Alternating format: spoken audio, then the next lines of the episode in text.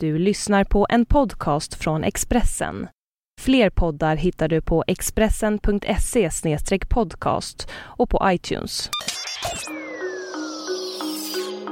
Miljonkarusellen som skakade om Karlskoga.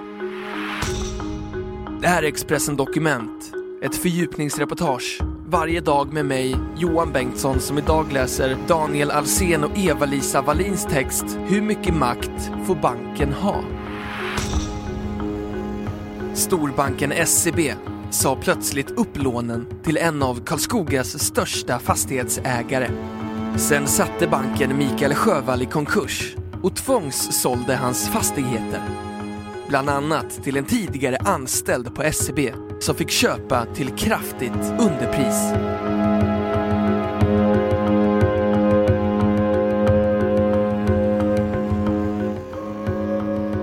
Drygt ett år efter att finanskrisen slog till över hela världen stegade Mikael Sjövall och hans advokat i mitten av december 2009 in på det lilla SEB-kontoret i Karlskoga. Det var SEBs kontorschef Eva-Klara Åkesson som hade kallat till mötet. Jag anade att det skulle vara något särskilt eftersom jag blev uppmanad att ta med min advokat. Jag tänkte, vad fasen blir det nu?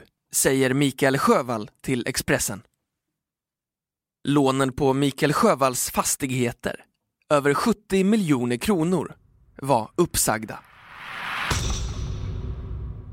Som 25-åring tog Mikael Sjövall över pappans byggfirma i Karlskoga. Några år senare började han köpa fastigheter. Först i liten skala med ett renoveringsobjekt. När han i slutet av 2007 fick ett erbjudande om att köpa ett fastighetsbestånd i Grythyttan och Filipstad var priset på 42,5 miljoner kronor egentligen lite för högt. Enligt Veckans Affärer kom Eva-Klara Åkesson då med ett erbjudande. Om Mikael Sjövall blev helkund hos hennes bank skulle de lösa hela finansieringen.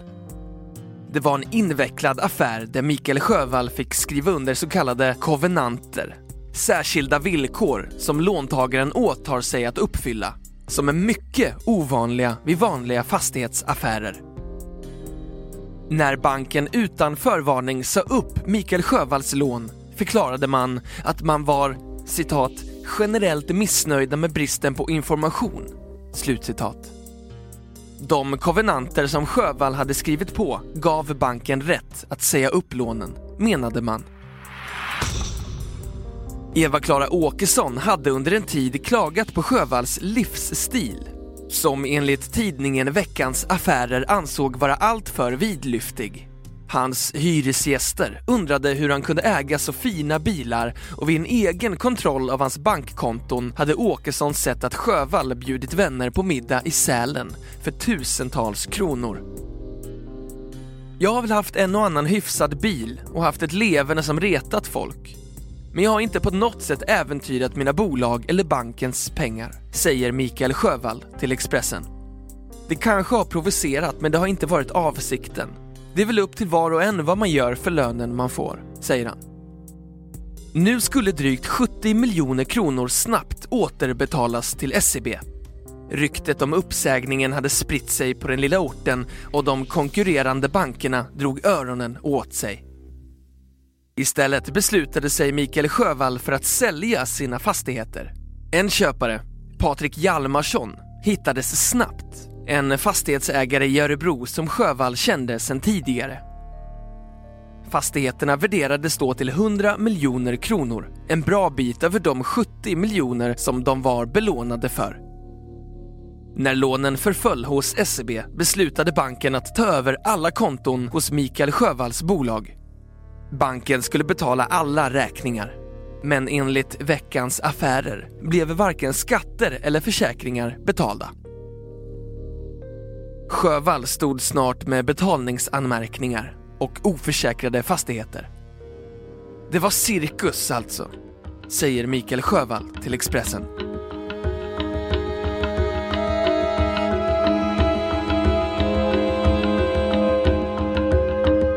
Expressen Dokument, en podcast från Expressen.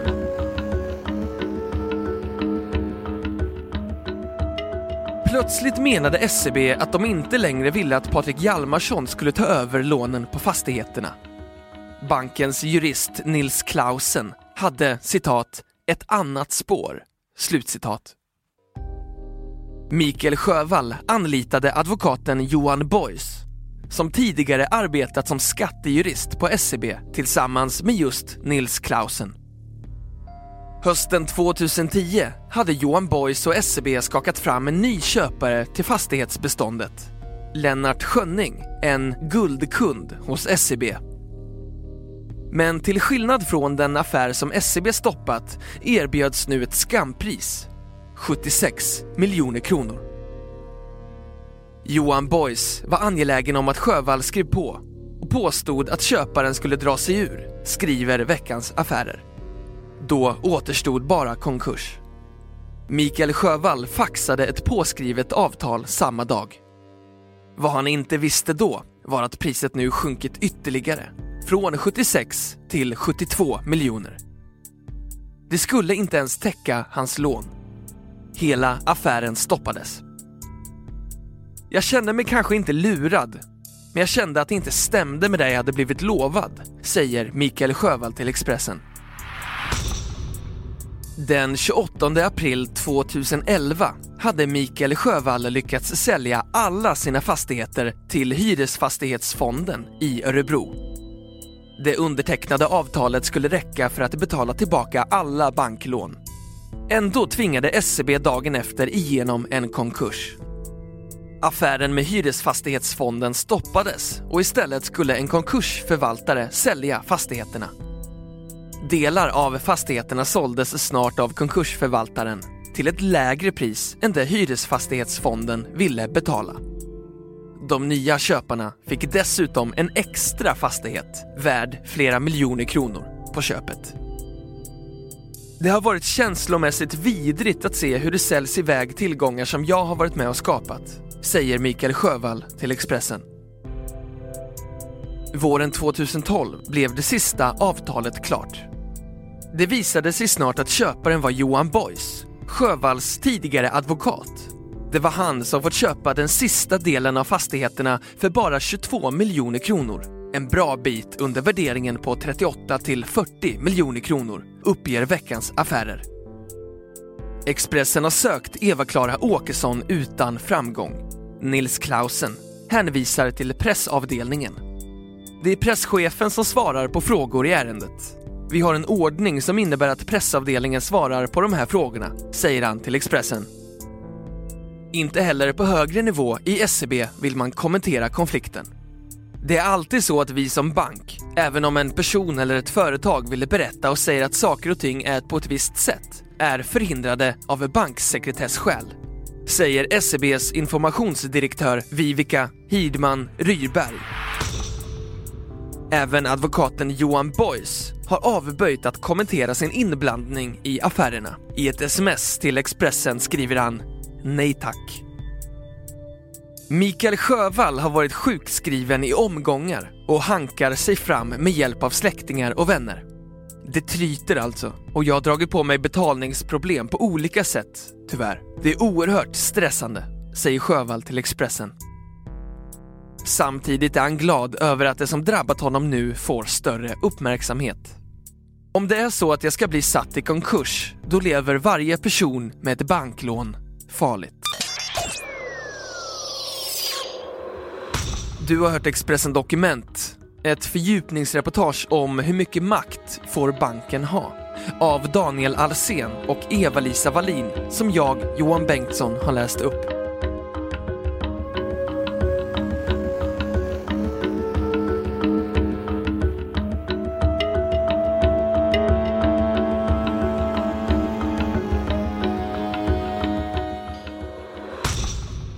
Du har lyssnat på en podcast från Expressen. Ansvarig utgivare är Thomas Mattsson. Fler poddar finns på Expressen.se och på iTunes. Ett poddtips från Podplay.